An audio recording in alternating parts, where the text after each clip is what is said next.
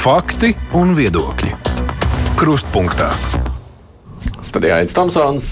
Šajā pirmdienas intervijā uz raidījumu mēs esam aicinājuši politiķi.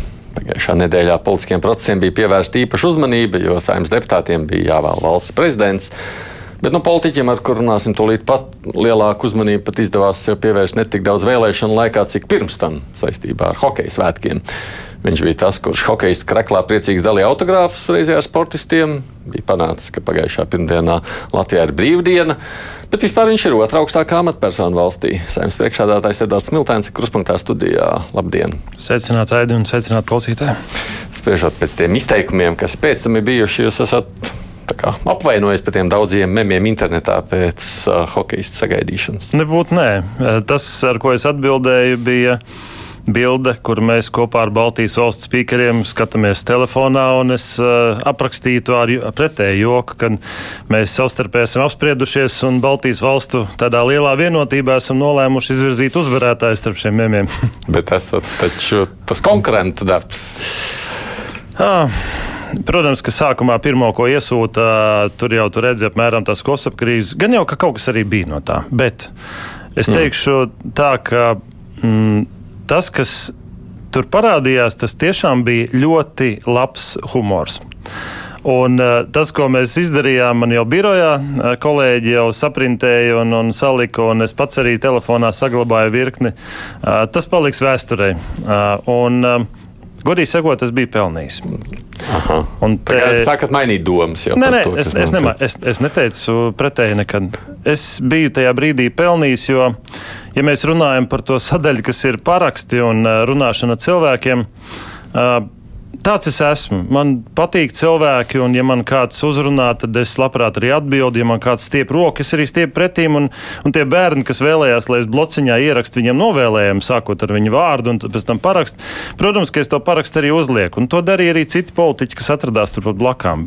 Bet vienu kļūdu es pieļāvu. Mums bija paredzēts scenārijā, un aicinājums bija man un Mārtiņam Staķim, man saimnes vārdā un Mārtiņam Staķim Rīgas vārdā uzrunāt un, un faktiski pateikt paldies mūsu hokeja izlasē. Un to kļūdu, ko es pieļāvu šajā te, nu, tās emocijas jau visiem bija sakāpināts. Es pateicu uzrunu, es atkāpos divus soļus atpakaļ, bet man vajadzēja pakāpties četrus soļus pa kreisi. Un, protams, ka tajā brīdī tu nokļūsti tajās bildēs un kadrā, un es jau tajā brīdī sapratu, ka nav vairs labi. Es esmu kļūdījies, un, protams, ka tas jau tālāk aizgāja jau tā stihiski. Ja. Nu, Tādā ziņā, ka vienkārši esat tāpēc, ka blakus hokeistiem. Tāpēc, jā. Nu, jā, nu, mēs tur visi bijām, bet, bet, protams, ka tā mana kļūda bija šie četri soļi. Un, un tālāk jau tajā emociju sakāpinājumā, kad par visu, priekā par hokeju un par citām lietām, nu, protams, tas aiziet. Bet es teikšu tā, galvenais, kas no šīs dienas palika, ka Tā bija lielākā tautas manifestācija kopš barikādēm. Man telefonā tagad stāv divas bildes. Viena no barikāžu laika, tieši no tās pašas vietas fotografēta, un otra no, no šīs dienas. Un tas pat nebija tik daudz stāsts par hokeju. Tas bija stāsts par mūsu tautas vienotību un nācijas pašapziņu. Nu, tas izklausās tāpēc, ka jums hokejs patīk, tāpēc jūs to tā uztverat. Nu, ja jūs palūkosieties manos sociālos tīklos, Es joprojām jūtos diezgan jauns un azartisks. Dažkārt iekarstu uh, gan basketbols, gan uh, rallycross. Tur ir, tur ir visādi sporta veidi. Un, um, un, protams, ka sports aizrauja. Bet, uh, bet šajā gadījumā hokeistiem izdevās kas tāds, ko tādu sabiedrības pacelātību, tādu nācijas pašapziņas celšanu un vienošanu nespētu nopirkt ne ar vienu miljonu, ko mēs tērējam sabiedrības integrācijā, sabiedrības saliedēšanā, dažādās programmās. Es, es tiešām es skatījos uz tiem vairāk kā 55 tūkstoši cilvēku tur bija, un liela daļa bija tieši bērni un jaunieši. Es tiešām atceros 2000. gadu, man bija 16 gadi. Un mēs uzvarējām Sanktpēterburgā, bija spēle, mēs uzvarējām Krieviju. Un kas tā bija par sajūtu. Bet arī kādu laiku jūs neatceraties? Es atceros, manā mamma mm. veda rādījumu. Nu, jā, bet to salīdzinājumu, nezinu, vai tas, man liekas, tas vienkārši nebūs īsti vietā, jo tas tā, bija jautājums toreiz par, nu, par valsts aizstāvēšanu, riskējot kaut kādā mērā arī ar drošību savu un dzīvību. To nevar salīdzināt ar hokeja svētkiem. Tu, tie, es teikšu tā, tie nebija īsti hokeja svētki. Ja mēs paskatāmies kā īsti jūtās Latvijas sabiedrība. Šobrīd zemapziņā katram patiesībā ir skaidrs, ka mums tepat kaimiņos ir iedarbināta nāves mašīna industriālos apmēros. Un, protams, ka dziļi zemapziņā mēs saprotam, un ir nedaudz bažas, tāda, tāda, tāds tramīgums. Un tā uzvara hokeja, šis nebijušais panākums, tas vienkārši apvienoja sabiedrību, uzcēla nācijas pašapziņu citā līmenī. Un es skatījos bildes, man sūtīja pirmdienā Daugaupilī. Cilvēki, Daugaupils, visa Latvijas karogos un, un, un skandē Latviju, Latviju, Latviju. Tas ir liels panākums. Jūs ja? domājat, ka pēc šīs skandēšanas Latvija, Latvija, Latvija, ja kaut kas nāks no Krievijas, tad viņi būs es, tagad es pārliecināti, ka, ka nu, viņi ir Latvijas ar vienu, patrioti, ar vienu, šādu, ar vienu šādu soli nevar. Bet, ja mēs šādus soļus krājam, tad tas noteikti palīdz sabiedrības apvienošanā. Mm. Bet runājot, tad, tad visu to pārējo skatu, vēl, varbūt tikai pabeidzot visu to parakstu dalīšanu vispār, jo ar šodienas skatu jūs tur tā pa priekšu vairs neskraidītu, vai kā? Nu, tā bija kļūda nepakāpties malā. Es atzīstu, un es tiešām atvainojos visiem, kas pārprata. Galvenie varoņi bija hokejisti. Arī mana uzruna. Man visa uzruna bija veltīta hokeistiem. Mēs arī vienojāmies ar valsts prezidentu un ministru prezidentu, ka mēs nerīkojam trīs pieņemšanas, bet to visu centralizējam Rīgas pilī.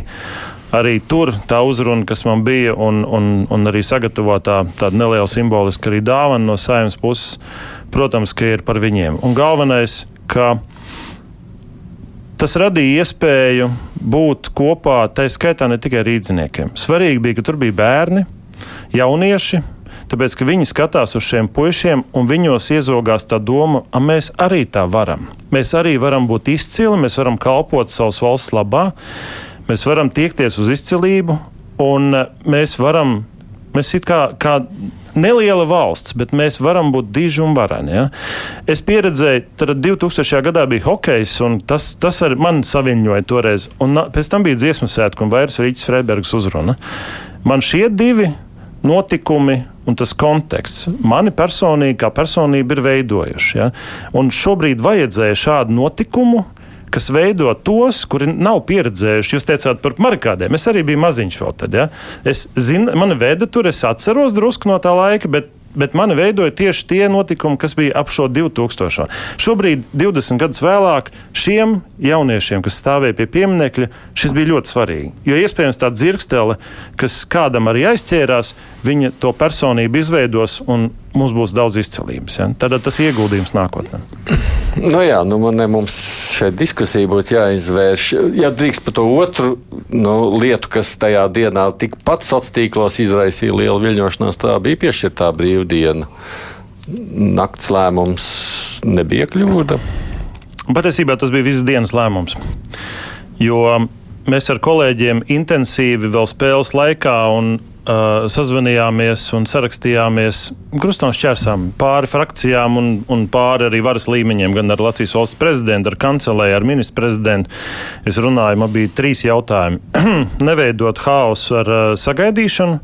Tātad to oficiālo daļu visu centralizēt vienu uh, Rīgas pilī, lai visas amatpersonas tur sagaidītu. Tas arī izdevās. Tas bija ļoti, ļoti sirsnīgs un veiksmīgs pasākums.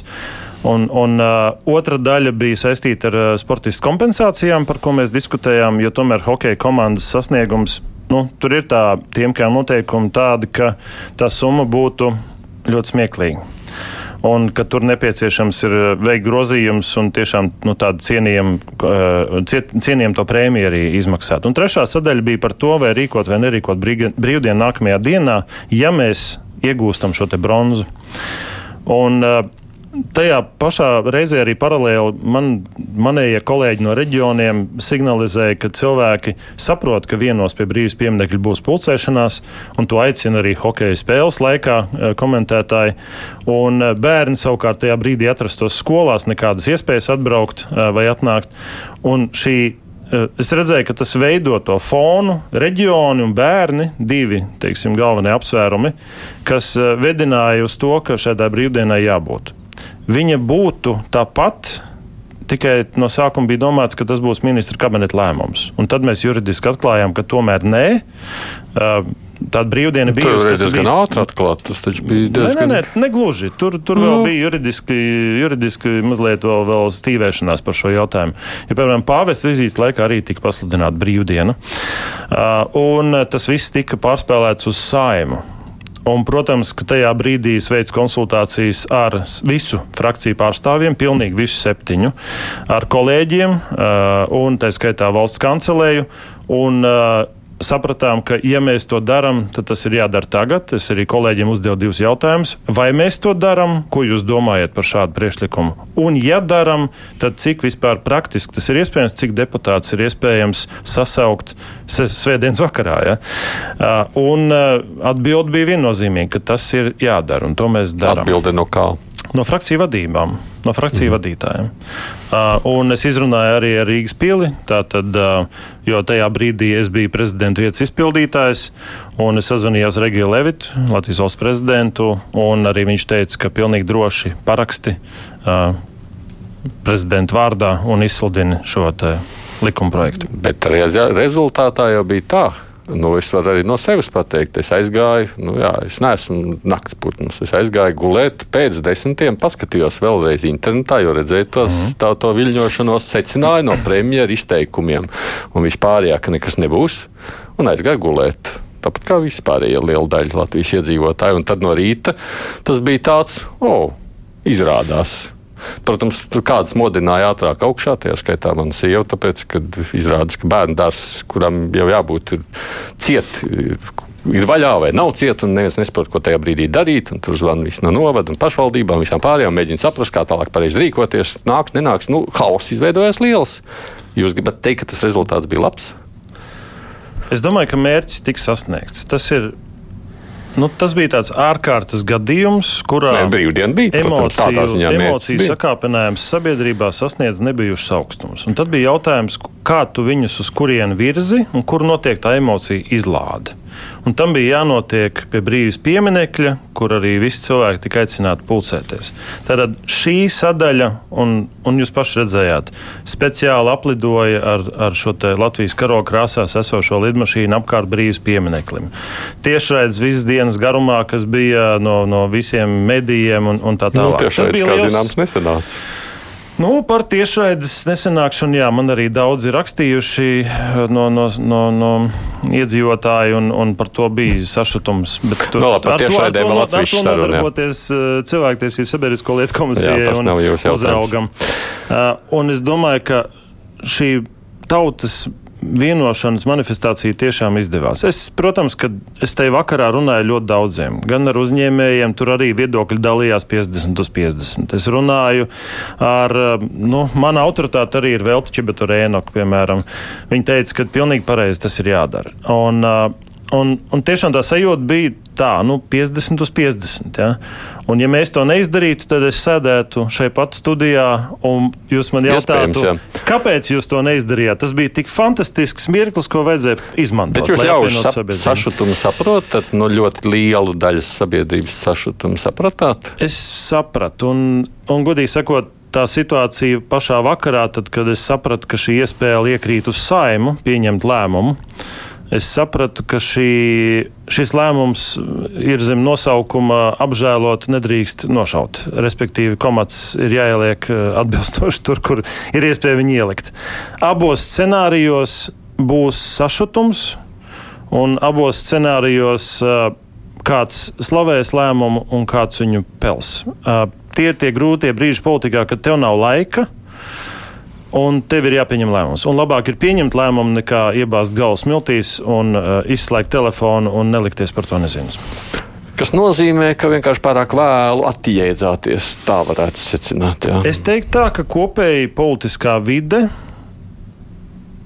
grūti atzīt, bet varbūt līdz galam nebija pārliecināta par mūsu hokeja spējām. Nu, Skaidrs, labi, mēs neviens nevaram zināt, kā beigsies tā, jo tas saprotams. jo Bet skaidrs jau bija, ka izējot eh, šajās spēlēs, eh, būs rezultāts, bet, nu, protams, tā varbūtība bija nu, Viņi bija, nu, viņi tika vērtēti, novērtēti iespējams zemāk nekā to vajadzēja to brīdi izdarīt. Es pie, piekdienas biju NATO Viļņas um, parlamentā, parlamenta priekšsēdētāja samitā un, un uzstājos, un, un vakariņās man blakus sēdēja Portugāles parlamenta priekšsēdētājs un daudz citi. Viņi, protams, bija dzirdējuši par mūsu sasniegumiem. Čehijas spīkers tieši noteica, ka viņa ieguldījums arī ir liels, jo astoņi hokeisti tieši viņu klubos esot sagatavoti priekš šādas uzvaras. Bet visi tie parlamentu priekšsēdētāji teica, tas ir pareizi. Šādi izņēmumi gadījumi ir vajadzīgi. Dienvidu Eiropā par to pat nediskutē. Tur tas jau ir pašsaprotami, un es prasu, kā jūs tieciet galā? Tas, tas lēmums taču nāk pēdējā brīdī.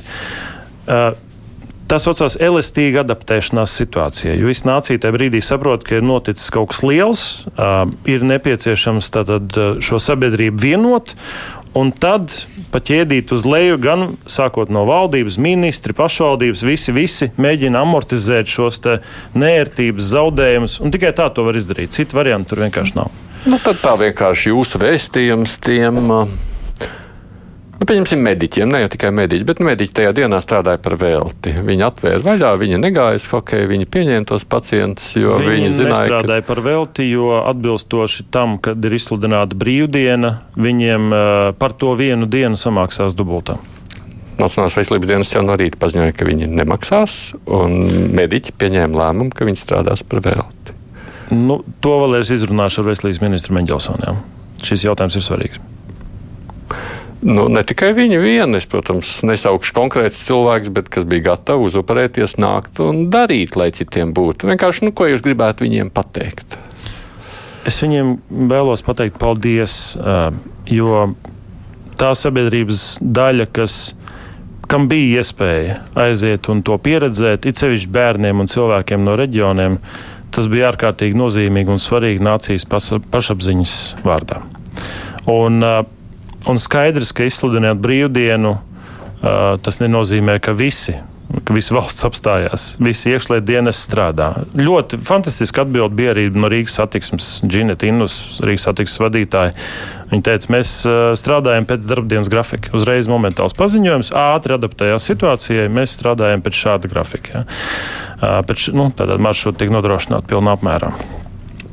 Tev kāda atgādina, vakar bija bronza mūsu komandai taisnība, un es no sirds apsveicu mūsu basketbola 3x3 komandu ar bronzu. Bet brīvdiena nav. Es domāju, ka hokeisti un šis konteksts un tas sabiedrības spriegums, kas katram iekšā mums zemapziņā bija, viņš radīja to momentu. Un tas nav stāsts par hokeju, basketbolu vai, vai, vai ko citu. Tas ir stāsts par šo nācijas pašapziņas momentu. Ja? Uh, Tas bija emo, tādas, emo, e, tāda emocijas sakāpinājuma, kāda spēja radīt mūsu puiši, mūsu izlase.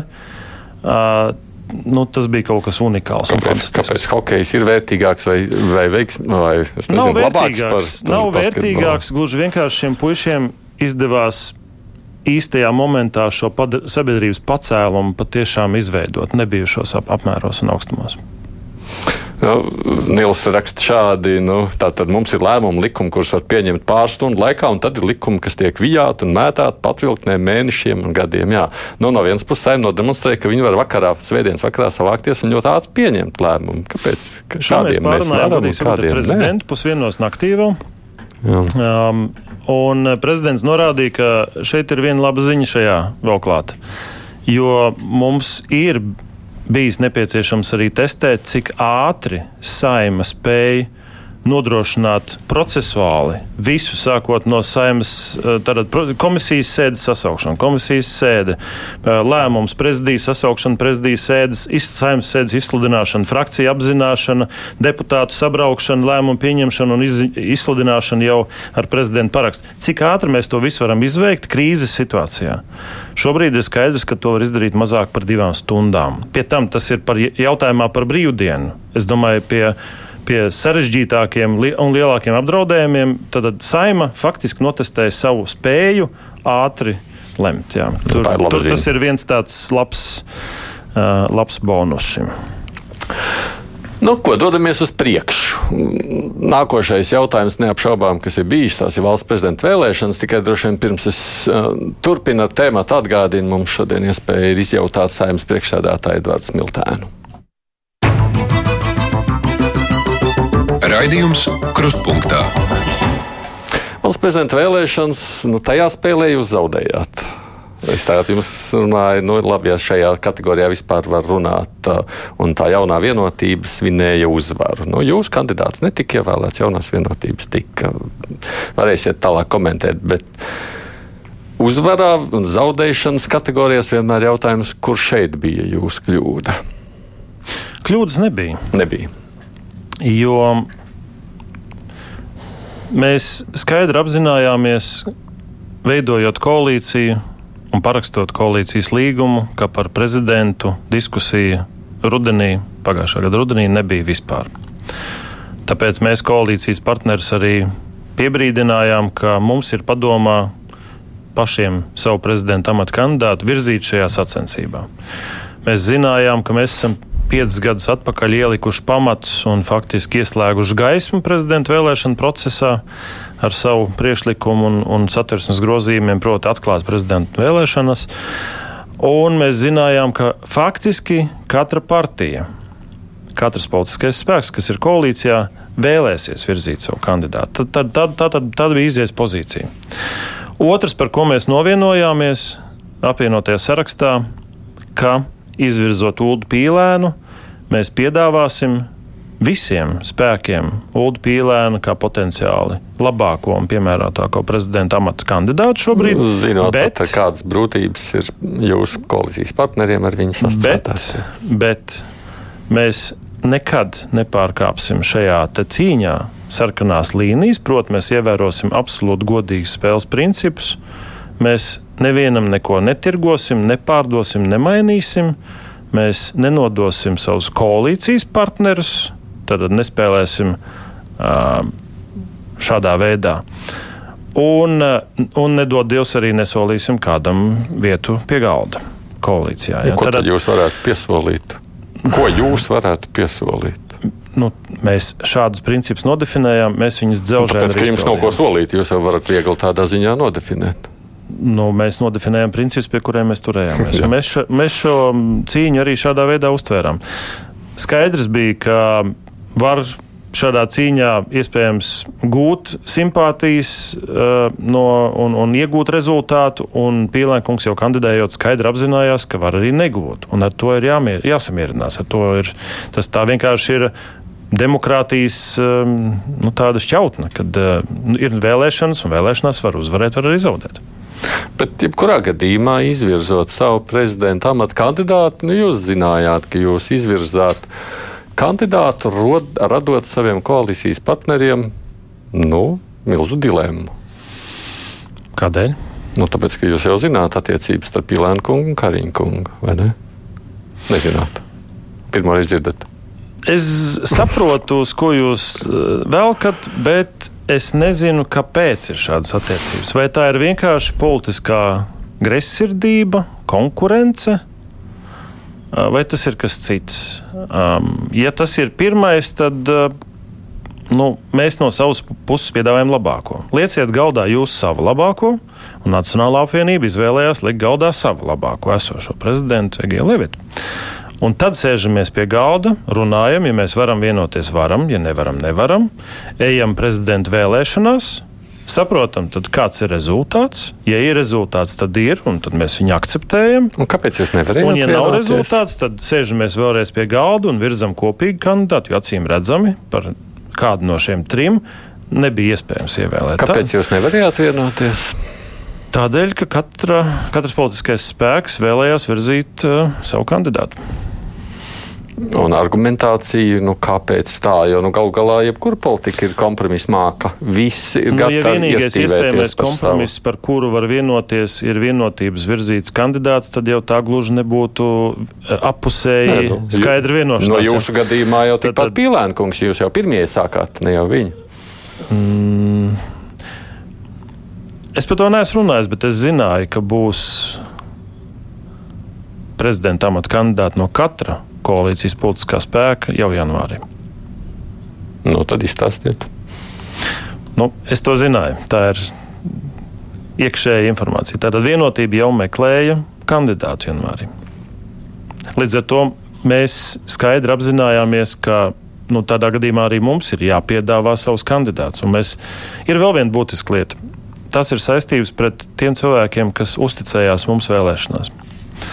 Un mēs braucām pa laukiem un pilsētām un, un tikāmies ar neskaitām daudz cilvēkiem. Bija skaists autobus, mums, ar kuru mēs to darījām. Un, un mēs visur braucām un mums jautāja, kas būs prezidents. Mēs teicām, mēs virzīsim pašu savu prezidentu. Tas bija mūsu solījums. Un citi to nesolīja. Bet mēs to bijām solījuši. Un mēs par to brīdinājām arī mūsu koalīcijas partnerus, ka šis ir solījums, kuru mēs nedrīkstam pārkāpt. Vismaz virzīt savu kandidātu.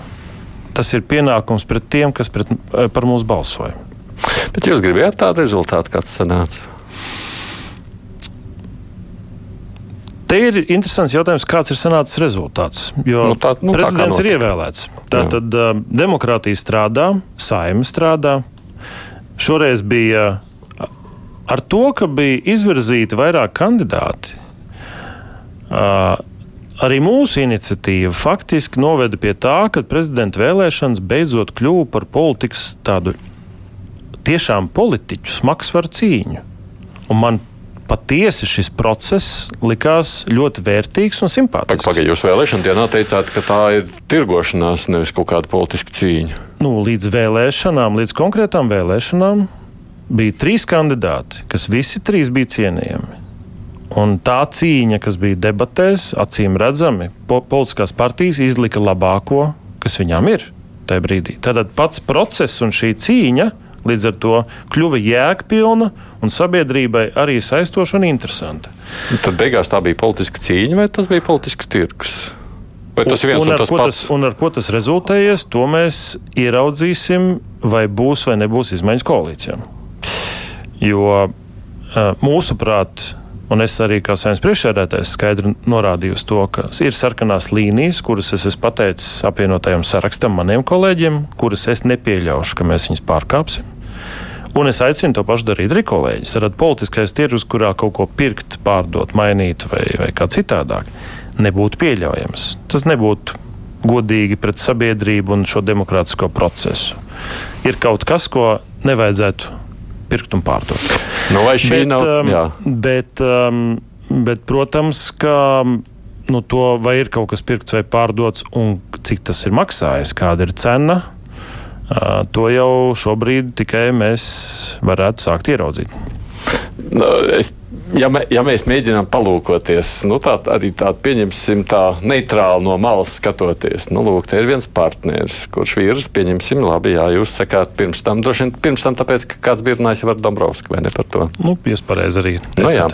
Savukārt, ja runājam par to, nu, lūk, partija redz izvirzīts, ir tāda Ulrichs Pīlēns, ar kuriem ir grūti sastrādāties. Jūs vispār droši vien neesat vienmēr visi ļoti veiksmīgi, vienmēr spējīgi tā glūdi sarunāties par dažām lietām. Tā izskatās no ārpuses, ņemot vērā savstarpēju kritiku, kas arī parādās publiskajā telpā.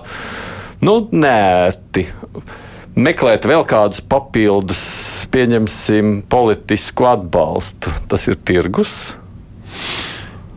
Ja meklē politisko atbalstu, tad ir jautājums, ko par to prasa pretim. Nu, jūs zināt, tad, kad ja veidojāt jūsu valdību, atbalstīt kādu politisku iniciatīvu, tas ir viens. Ko, kas būtu pieļaujams? Ja prasītu pretim kādus finansiālus labumus vai kādus amatus vai kaut ko tādu, es domāju, ka tas jau vairs nebūtu pieļaujams, tā būtu korupcija. Un, ja prasa vietu pie galda koalīcijā. Jā, jā. Tad tas nozīmē nodevību pret līgumu, kas ir parakstīts rudenī. Un tas arī nebūtu pieļaujams. Mēs šādas sarkanās uh -huh. līnijas novilkām apvienotājiem sarakstam un to arī godprātīgi izpildījām. Mm. Mums piekdien bija studijā gan žurnālisti, gan politoloģi. Kažoka, Iveta, man liekas, ka viņi bija tā, kas sacīja, ka tā jūsu kļūda bija, ka jūs pasteidzāties pārāk ātri izvirzot Ulu Pīlēnu, sakot, ka, ja būtu pagaidīts, ka vispirms Levita kungs tiek izvirzīts, tad situācija būtu citāda. Esat to izvērtējuši pašu procesu? Grūti pateikt. Nu, mēs apvienotajā sarakstā vienojāmies, un mēs, mēs tādi esam vienkārši. Mēs varbūt neesam pārāk uh, smalki politkombinātori, ja? uh, iztamborēt un, un, un izkombinēt un, un, un kādu aptamborēt un tā tālāk. Mēs, nu, daži to sauc par tālredzību. Nē, to sauc par taisnu un tīru politisku spēli. Um, es esmu 15 gadus politikā, es esmu redzējis gan vienu, gan otru pusi. Un es teikšu godīgi, man tīra spēle un skaidra valoda patīk labāk nekā pēc tam pīties un sapīties uh, kombinācijās, kur pēc tam var nolauzt kaklēm. Uh, un apvienotais saraksts izvēlējās tādu stratēģiju. Atklāti, tieši, nevienu ne neslēpjot, nemēģinot kaut ko tamborēt, izvirzījām, pateicām, ka mēs virzīsim, izvirzījām savu kandidātu, mēs viņu aizstāvējām. Kandidāts ļoti, ļoti profesionāli un, un um, kvalitatīvi arī piedalījās debatēs un aizstāvēja mūsu apvienības godu. Un, kā redzams, arī sabiedrības atbalsts aptaujās bija aptuveni līdzvērtīgs tam, eh, kas bija Edgars Rinkevičam, kā arī ļoti cienījamam prezidenta amata kandidātam. Bet tajā brīdī, kad kaut ko politiķi dara, viņi taču rēķina, viņi var izdarīt vai nevar izdarīt. Jūs nerēķinājāt, vai pīlēnam vispār ir pietiekošs atbalsts, vai jums bija vienalga galvenais izdarīt? Es domāju, ka ik viens kurš virzīja savu kandidātu, sākumā bija skaidrā pārliecībā, ka neviens nezina, vai vispār ir atbalsts. Ne, nedz apvienotais saraksts, nedz jaunā vienotība, nedz progresīvie, Jā. kas virzīja savu kandidātu pašā sākumā. Neviens jau nezina, kā viss beigsies. Tas ir skaidrs. Protams, bet... var rēķināties ar savas frakcijas balsīm, bet, uh, bet tad jau tālāk process aiziet savu gaitu to nevar dēvēt par politisku tālredzību, mēģināt izrēķināt, būs vispār atbalsts vai nē. Nav vajadzīgs. Nu, ko nozīmē politiska tālredzība? Tau, sabiedrības viedoklis ir tāds, ka sabiedrība grib redzēt izšķirīgos, svarīgos jautājumos visu procesu atklātu un skaidru. Sabiedrībai nepatīk, un tāpēc arī toreiz es iesniedzu grozījumus satversmē Lai atklātu šī, šos rezultātus prezidenta vēlēšanās, sabiedrībai nepatīk, ka tiek noslēgta darījuma zem galda, kaut kādās tur zoodārzos vai pirtīs. Sabiedrība grib redzēt šo atklāto cīņu, konkurenci, argumentus un atklātu spēli. No mūsu puses mēs to nodrošinājām. Un, un tik tālu, cik to mēs varējām, arī kolēģis mudinājām. Tas, manuprāt, bija svarīgi. Nevis ne tik daudz ko mēs ievēlam, jo visi pretendenti bija cienīgi šī amata. Bet kā mēs ievēlam? Vai mēs caur šo procesu stiprinam demokrātiju, sabiedrības uzticēšanos, vai mēs to graujam? Tas ir nozīmīgāks jautājums par rezultātu, kuru no tiem pretendentiem ievēlējam. Vispār par pašu tajā brīdī izvirzīšanas procesu mazliet izdaliet, cik Pilāna kungs konsultējās ar jums un cik nostādīja nu, tā fakta priekšā, nu, ka viņš grib būt par prezidenta kandidātu. Mums frakcijā bija sanāksme par šo. Tas bija jau ziemā.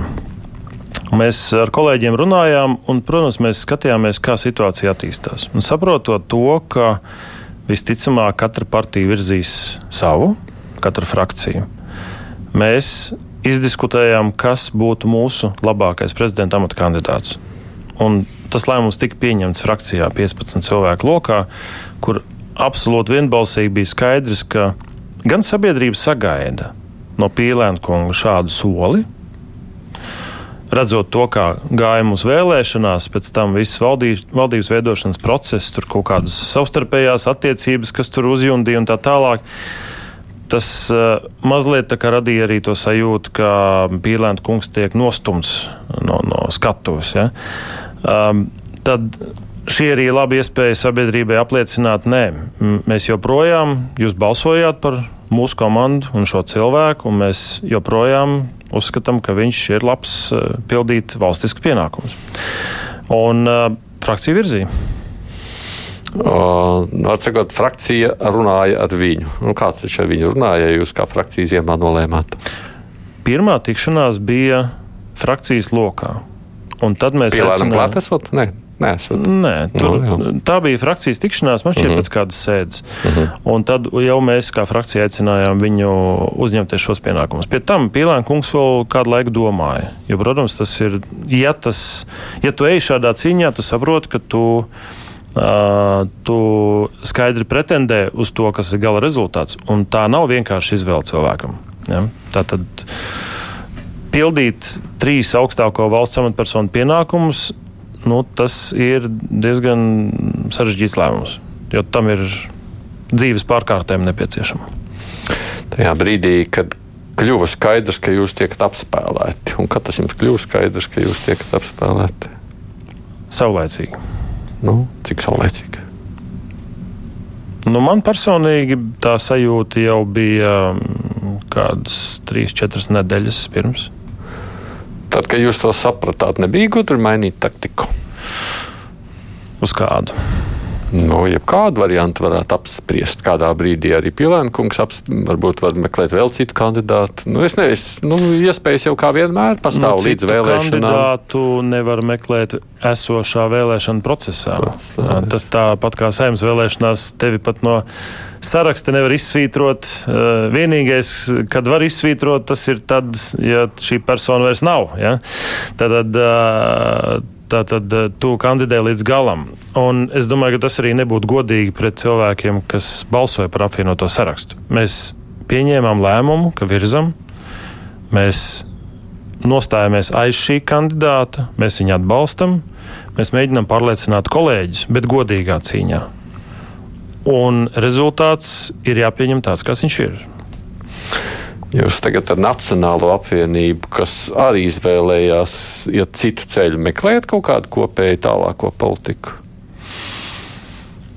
Mums ar Nacionālo apvienību ir pilnīgi skaidrs, ka šis haoss un bardaks, kas radās uzreiz pēc prezidenta ievēlēšanas brīža, kad tika paziņots, ka vēlamā koalīcija būtu uz piecām kājām, ja tā to varētu nosaukt. Krēsls uz piecām kājām, nevis uz trijām. Vai citiem vārdiem sakot, ka ir atrasti jauni sabiedrotie 52 balsu izskatā. Nu, tad mēs skaidri pateicām ar Nacionālo apvienību, ka nav tāda jēdziena kā koalīcijas paplašināšana. Ir jēdziens koalīcijas līgums, paktas un servanda. Līgumi ir jāpilda, Tas aizņēma ārkārtīgi sarežģītu. Teiksim, nu, tas bija ļoti sarežģīts process, un tas aizņēma ļoti daudz laika. Budžets atnāca tikai martā. Kas ir šodien? Es esmu aizņemts pildot tos pienākumus, kas izriet no saimnes priekšsēdētāja, ārlietas un, un viss šis gals. Uh, neskaitāmas tikšanās NATO samits, kur izšķirās Latvijai svarīgi lēmumi. Sapcīt, ļoti veiksmīgs valdības mēģinājums sakārtot un palaist procesus veselībā, izglītībā. Bija valdības sēde, kas parādīja, ka tur ir rezultāts. Ja? Tātad abas ministras ieguva termiņu 15. augusts, līdz kuram jāatnes ir tātad veselības aprūps un izglītības iestāžu tīkls, ja plāns. Ja, tad tur ir process. Mums iet procesā šobrīd intensīvs darbs ar nodokļu reformu, ko visu vajadzēs pēc tam aprēķināt un izskaitļot. Mums ir šobrīd sarunas, es pats arī biju Spānijā, Spāņi otrie lielākie, kas mums ir IFP misijas kontekstā, 600 spāņi pie mums, un mēs runājam par to, ka nepieciešams palielināt šo kontingentu. Ar kanādiešiem runājam. Tad mēs intensīvi strādājam, rūpēties par mūsu drošību un vēl palīdzam Ukrainai. Pieņēmām pagājušajā ceturtdien arī kārtējo deklarāciju. Stefanču kungam bija solījis, ka saim to izdarīs par Ukrainas tālāko virzību uz NATO, kas ir izšķiroši simboliski svarīgi un arī praktiski. Ja. Tad mēs esam iegrimuši šajos ārkārtīgi, mēs dzīvojam ārkārtīgi nozīmīgā laikā un izšķirīgos lēmumos, kas mums ir apkārt. Radīt haosu, tā ir bezatbildība. Par, nu, tas arī ir tāds signāls, ka jūs domājat valdības maiņu. Jā, jā. Mm. Bet, ja runājam savukārt par to, ka šādā veidā vienkārši nu, būtu cita veida koalīcija, kas tad notiktu tajā stāstā, jūsuprāt? Tad kādēļ nevar, nevarēja izveidot tādu koalīciju rudenī? Rudenī mēs šo vingrinājumu izspēlējām Nacionālo apvienību. Nu, kas ir ironiski, tad vienotība nostājās pilnīgi kategoriski pret ZZS iekļaušanu koalīcijā. Mm. Ja mēs pareizi atceramies, bet ļoti cīnījās par progresīvo iekļaušanu. Jā, bet ja mēs atceramies, nu, kā saka, izrādās tās laulības mainās dažādiem, bet, eh, bet eh, mēs atceramies, es biju līderu debatēs, kur Kariņa kungs atteicās nākt vienotības preses relīze, oficiāls paziņojums bija medijiem, ka faktiski viņi atsakās ar Zezes un Lemberga kungu stāvēt pie viena galda. Kas ir mainījies? Ļoti labs jautājums. Nu, pat pieņemsim, ja mēs atstātu tikai progresīvos kā ceturto galdu kāju, par ko daudz tika runāts arī tās valdības veidošanā, ja šī koalīcija tomēr nu, izjūga, ja premjerministrs, protams, var atkāpties. Ja tas tā notiek, o, cik jūs uzskatāt, būtu nepieciešams bloķēties ar Nacionālo apvienību, vai nu mēs trīs vai neviens? Es tik tālu neiešu, es patīšu atpakaļ to bildi. Kāpēc premjeram būtu jāatkāpjas? Nec pats premjeras, nec kāds cits nav pat mēģinājis atrast īstus argumentus, un nosaukt viņus. Kāpēc šajā valdībā, šai valdībai būtu jākrīt, vai viņam pašiem jāgāž, vai, vai kā tam līdzīgi? Mēs katrs esam procesos. Jūs paskatieties veselības ministra Mendelsonu, kā viņa strādā, ar kādu atdevu un enerģiju smeļot to, kas ir sastrādāts iepriekšējā periodā, tiekot ar to galā, paralēli domājot nu, tā par finansēšanu. Mēs tā, tā īpaši sabiedrībā to nemanām, ka viņi tur rautos. Pastie, paskatāmies uz Sprindžukumu, kas ir beidzot dabūjis centralizējis šo digitālās transformācijas politiku. Tur ir konkrēti plāni, un, un tas ir izšķirīgas lietas, lai mēs panāktu progresu un, un, un uzlabotu mūsu ekonomiku. Ja? Mums ir fundamentāls problēmas ar banku sistēmu, tāpēc ka A kreditēšana ārpus Rīgas ir ļoti sarežģīta, B Es zinu jau konkrētus daudzus stāstus un kopsumu tie simtiem miljoni investīcijas, kas ir zaudētas, jo investoriem neatver kontus. Nu, labi, jums šķiet, ka jūs ministri ir... ļoti aktīvi strādā un ir baigie malači. Sabiedrībā varētu būt ļoti dažādi viedokļi par to. to nu, jā, nu, tad sēžamies grūt. un skatāmies, kur ir tie pudeles kakli, kas nestrādās. Jūs domājat, ka piecu partiju koalīcijā šis darbs vēl uzņems lielākus, raitākus apgriezienus? Man nav jausmas. Es galīgi negrasos aizstāvēt vienu vai otru. Mēs ļoti redzējām, kā strādāja šis dažādi viņa sauc sauca Frankensteins vai Lupatu deķis, kas bija salīmēts iepriekšējā 13. saimā. Bet, nu, tā realitāte tur, tur, sanāk... tur ne tikai jā. piecas kājas, tur bija kādas sešas un vēl pa pusē septiņas. Ja? Uh, es tiešām domāju, ka šī saima ir atšķirīga no iepriekšējās. Uh, to, es, to es varu redzēt arī runājot ar kolēģiem par zināmas disciplīnas noteikšanu, kā mēs strādājam saimā tradīciju atjaunošanu un tā skaitā jaunu iniciatīvu un tradīciju ieviešanu. Ja? Es redzu, ka šī saima.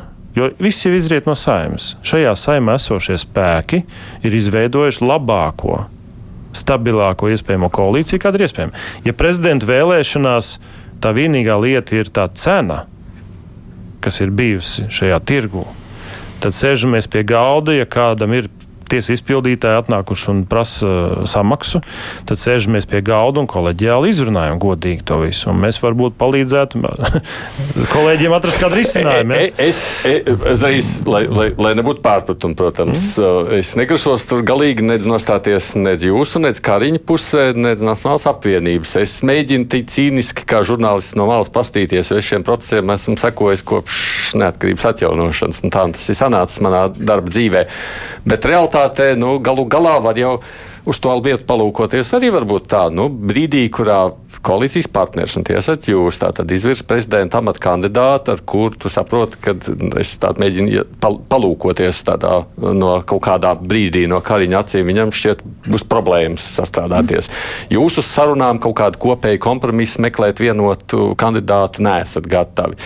Nu, viņi atrod kādu, kas ar viņiem ir gatavāk runāt. Jūs sakāt, pupu mizas, lai viņi uzmet tos, ar kuriem viņi ir mēģinājuši vienoties. Jā, mēs esam vislabākie. Lai arī mēs ar jums negribam īsti kompromisu reizēm meklēt, bet mēs esam vislabākie. es skaidri saprotu, ka nu, iespējams, ka eh, politiskiem spēkiem ir atšķirīga izpratne par vērtībām un principiem. Mums nekad prātā neienāca doma, un mēs to nepieļāvām. Mēs uzstājām, ka tas ir nu, nekoleģiāli mazākais, un tā ir nodevība faktiski pret tiem partneriem, ar kuriem tu esi parakstījis līgumu sadarbībai. Uh, un, uh, un tas nav valstiski pareizi. Uh, tirgot prezidenta krēslu apmaiņā pret vietu koalīciju. Mm. Tas vienkārši mūsu ieskatā bija absolūti amorāli.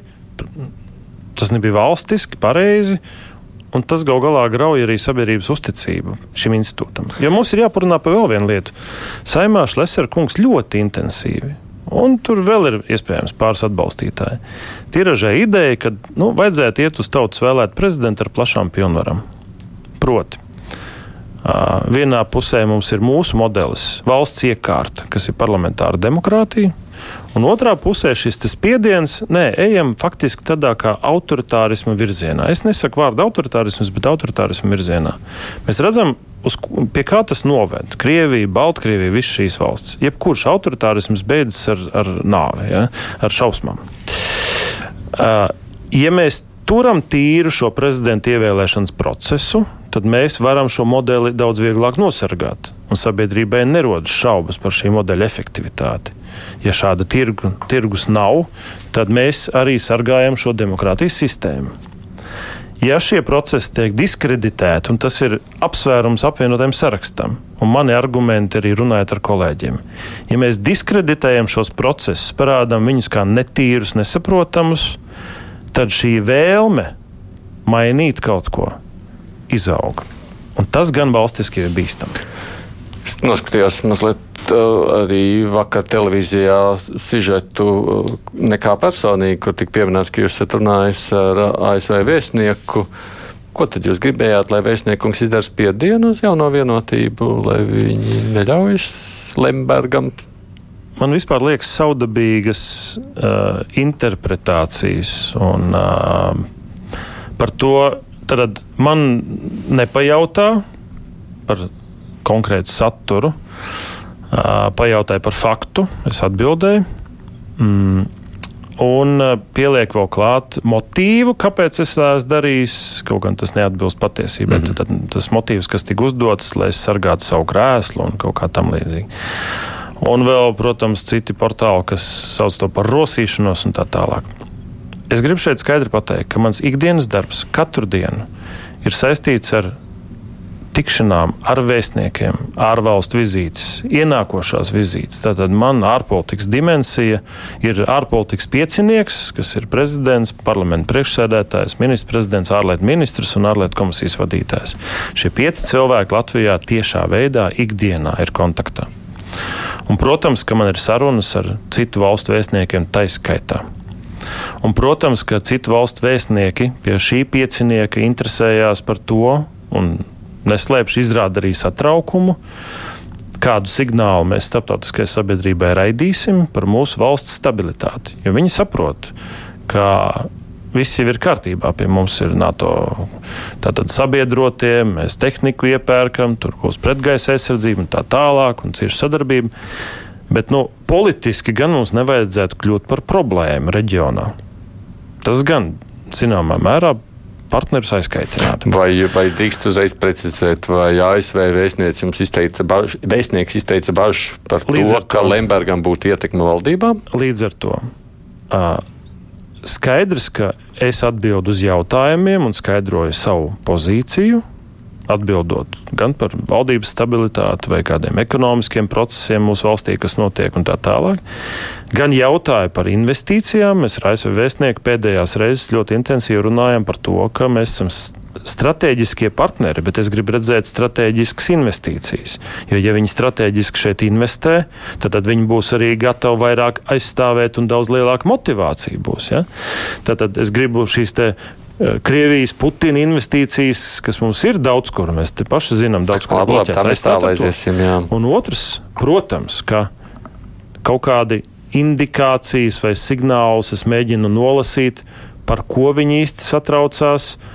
Un kas varētu būt problēma, un kas nevarētu būt. Ja? Tad priekš manis, lai es pieņemtu lēmumu, un lai es savu lēmumu pēc tam novadītu maniem kolēģiem, man ir svarīgi, saprast starptautisko kontekstu.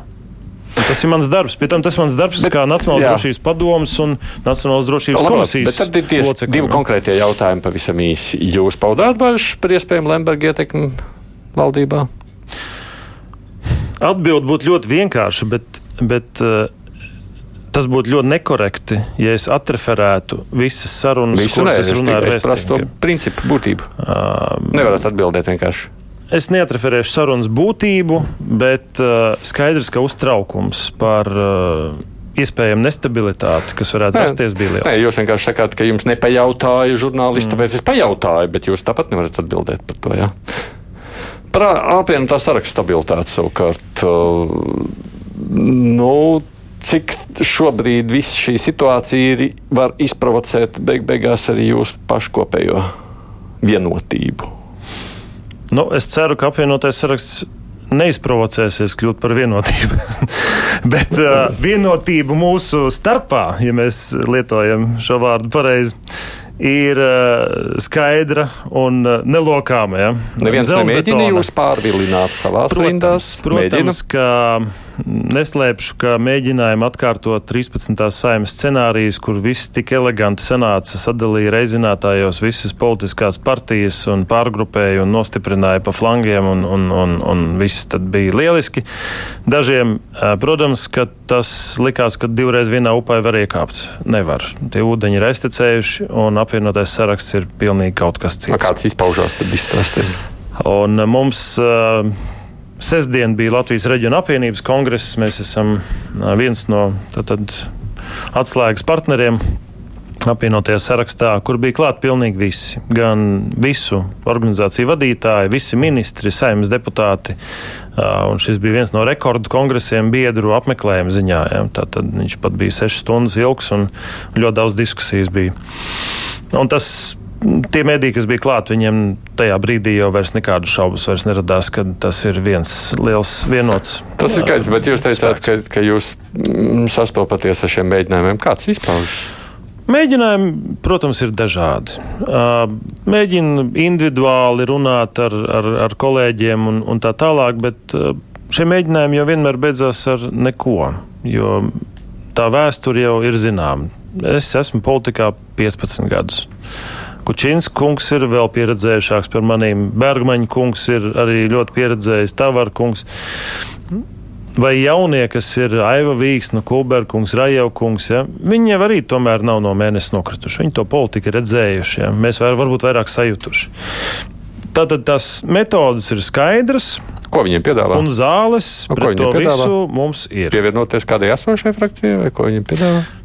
Tā teikt, tas mums ir dienesta uh, vajadzībām. Šī informācija mēs, mēs tā teikt, viņu pie sevis turam, bet adekvāti reaģējam. Bet vēstījums visiem tiem, kas mēģina šķelt, man ir divi vēstījumi. Pirmkārt, neceriet.